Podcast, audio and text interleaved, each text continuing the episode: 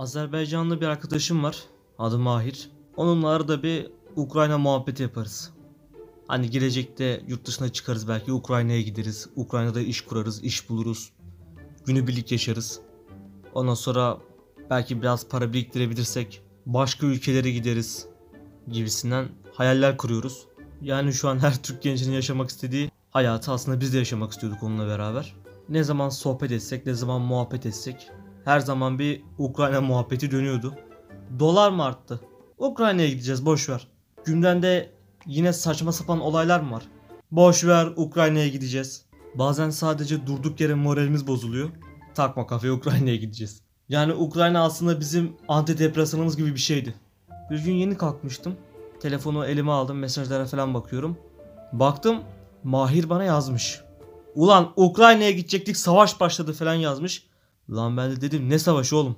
Rusya ile Ukrayna arasında bazı krizler falan vardı. Adamlar savaşa başlamış.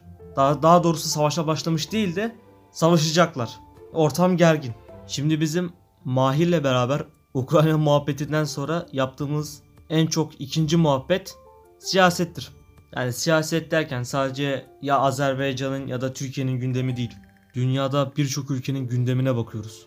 Hakkında konuşuyoruz, sohbet ediyoruz. Mahir Azerbaycan'da üniversitede siyaset okuyor. Aynı yaştayız ama Azerbaycan'daki eğitim sistemi farklı. Onlar bizim yaşımızda üniversite okuyorlar. 17-18 yaşlarında.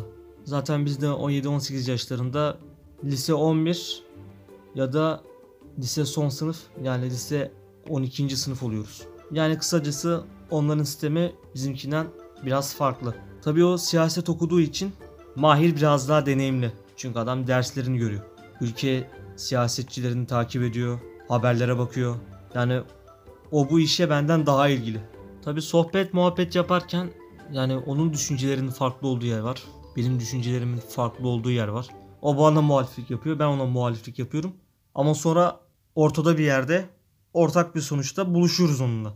Yani her medeni insanın yapması gerektiği gibi hani. Şimdi Türkiye'de tartışma deyince akla şunun gibi muhabbetler geldiği için Göreceksin. Sen Abdülhamit'i savundun. Savunmadım. Sen Menderesleri savundun. Savunmadım. Sen savundun. Terbiyesiz. Dur. Aa bak. Dur. Savunmadım. Çıkar göster. Dur. Ben göstereceğim. Dur. Ahlaksız adam. Alçak. Yani size biraz tuhaf gelebilir. Her neyse Mahir'in mesajını gördüm. Ben de cevap verdim. Yani ben şöyle düşünüyordum. Rusya ile Ukrayna savaşa girse zararla ayrılacak taraf Rusya'dır. Çünkü koskoca bir Amerika var. Koskoca bir Avrupa var. Rusya bu adamların gözünün önünde bir devleti yutacak. Bunlar da öyle susup oturacak. Yani yok hocam ben böyle bir şey inanamazdım. Mahir tabi kendinden emin bir şekilde yanlış düşünüyorsun hocam dedi. Avrupa, Amerika hiçbir şey yapamayacak. Evet tabi inanmadım. Yani abi kim inanır? Dünyada bir savaş olacak. Bu savaş Rusya ile bir Avrupa ülkesi arasında olacak ve herkes susup oturacak. Mümkün değil.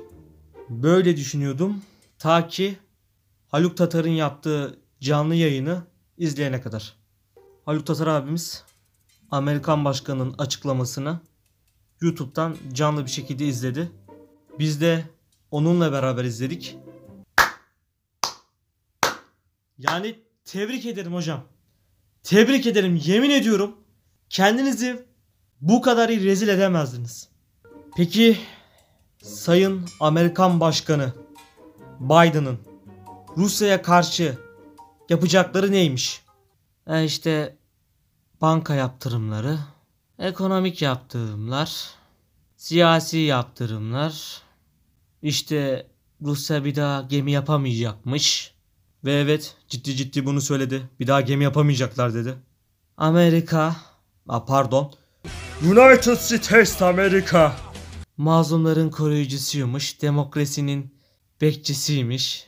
Nerede mazlum varmış Amerika onlara yardım edermiş. Bu Amerikalıların kanında varmış.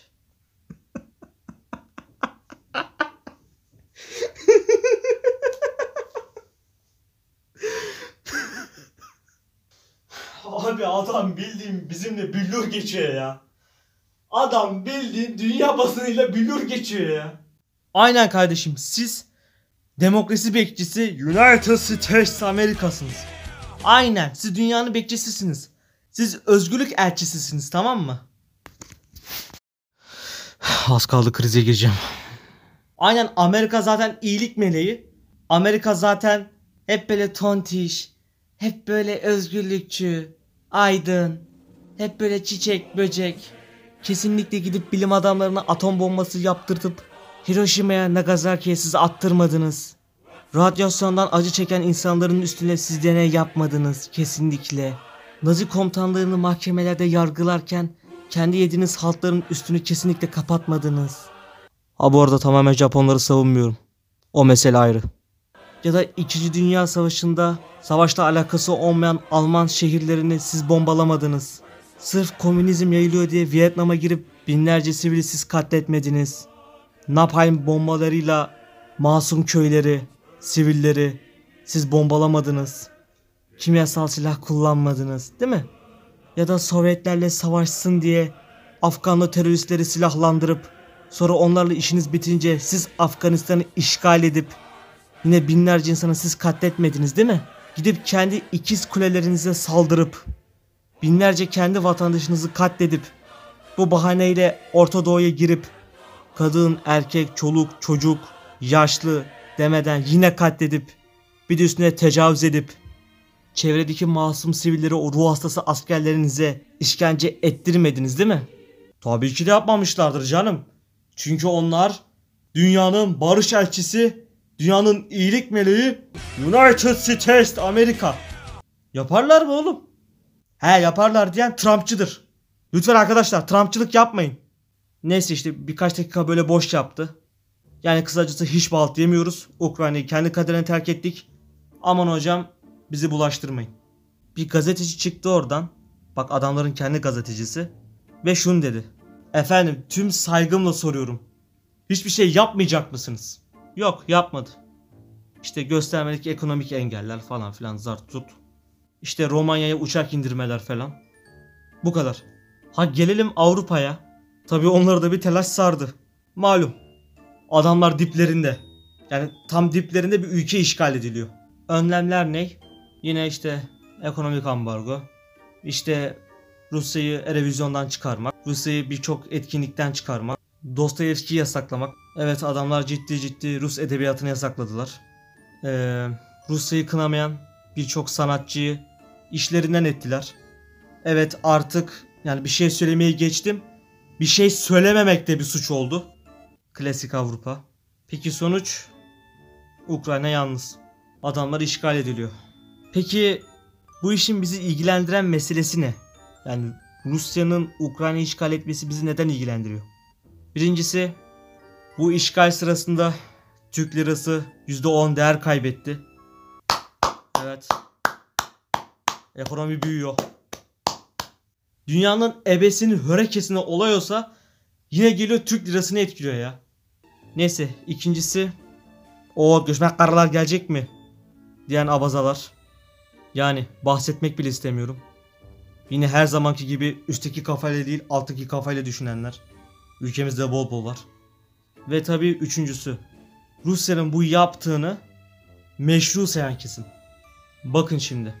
Daha demin Amerika'nın yaptıklarını yani yaptıklarının belki onda birini burada saydım. Daha bunun Kızılderili soykırımı var. Afrikalı köle ticareti var. Yani var da var. Peki şimdi sırf Amerika bunları yaptı diye Rusya'nın yediği bu halt haklı mı olmuş oluyor? Yani Amerika nasıl Afganistan'ı işgal ettiyse Amerika'dan önce ilk Sovyetler işgal etti. İkinci Dünya Savaşı'ndan sonra birçok Avrupa ülkesine zorla komünizmi kabul ettirip kukla hükümetler kurdurttular. Sırf Doğu Almanya'dan Batı Almanya'ya sürekli göç oluyor diye adamlar bildiğiniz duvar ördüler. Ya da sırf yüksek vergi alamadılar diye kendi vatandaşlarını açlıkla, kıtlıkla yok ettiler. Ya da kendi topraklarında yaşayan başka ırktan insanları asimile ettiler. Bunun en bariz örneği Azerbaycan. İnsanları asimile ettiler. İsyan çıktığı zaman da tek tek hepsini katlettiler. Yetmedi. Ermeni terör örgütü Asala'yı kurdular. Bu adamlara Türkiye'de terör eylemi yaptırıp Ermeni soykırımı diye saçma sapan bir iftirayı üstümüze yapıştırdılar. Ya da Stalin'in Türkiye'den toprak istemesi, Türkiye'yi tehdit etmesi ve bizim de sırf Sovyet korkusu yüzünden Amerika'ya yapışmamız ve Amerikan sömürgesi olmamız. Ya da az kalsın dünyayı birkaç kez nükleer savaşa sokmaları veya 2. Dünya Savaşı'nda Alman kadınlarına tecavüz edilmesi, insanların katledilmesi ve yine daha neler neler. Gördüğünüz gibi Amerika bugün ne kadar suçluysa Ruslar da bugün o kadar suçlu. Ve bu iki devlet de emperyalist. İkisi de yayılmacı. İkisi de sömürgeci. Bugün bazı kesimler ideolojileri için ya da çıkarları için bir tarafın yaptığını meşru, diğer tarafın yaptığını aykırı kabul edemez. Bugün Amerika bir yeri işgal ettiği zaman ama Sovyetler de zamanında bunu yapmıştı diyerek adamların yaptığını haklı çıkaramıyorsak bugün Rusya Ukrayna işgal ederken ama Amerika'da falanca yeri işgal etmişti diyerek Rusların yaptığını haklı çıkaramayız. Bakın bugün isterseniz ya sağcı olun ya da solcu olun ya da liberal ya da sosyalist olun. Buna kimse karışamaz. Ama sizin görüşünüzden olan bir devlet ya da belli bir grup başka suçsuz bir devlete ya da gruba eğer baskı yapıyorsa, bağımsızlığını elinden almaya çalışıyorsa ya da işgal etmeye çalışıyorsa ideoloji ne olursa olsun bu onları haklı yapmaz. Adamına göre emperyalizm olmaz. Bakın size ben Uğur Mumcu'dan bir örnek vermek istiyorum. Uğur Mumcu'yu bilmeyenler varsa kendisi bir Türk gazeteci. Bu ülkenin yetiştirdiği en büyük insanlardan biri. Ve kendisi solcu. Ama sırf solcu diye kendi kitabında Sovyetlerin yaptıklarını haklı göstermiyor. Ya da diğer solcuların yaptığını haklı göstermiyor. Hatta çoğu solcuya sol geveze diyor. Hem sağ kesimi hem de sol kesimi en ağır şekilde eleştiren adam Uğur Mumcu'dur Türkiye'de. Uğur Mumcu'nun kendi kitabından okuyorum. Kitabın adı Katiller Demokrasisi, Hırsızlar Düzeni. Sayfa 80. Dünyamızda mücadele sadece sosyalistle sosyalist olmayan arasında değildir. Temel çatışma, gerçek çelişme, sömürülen ülke ile sömürülen ülkeler arasındadır.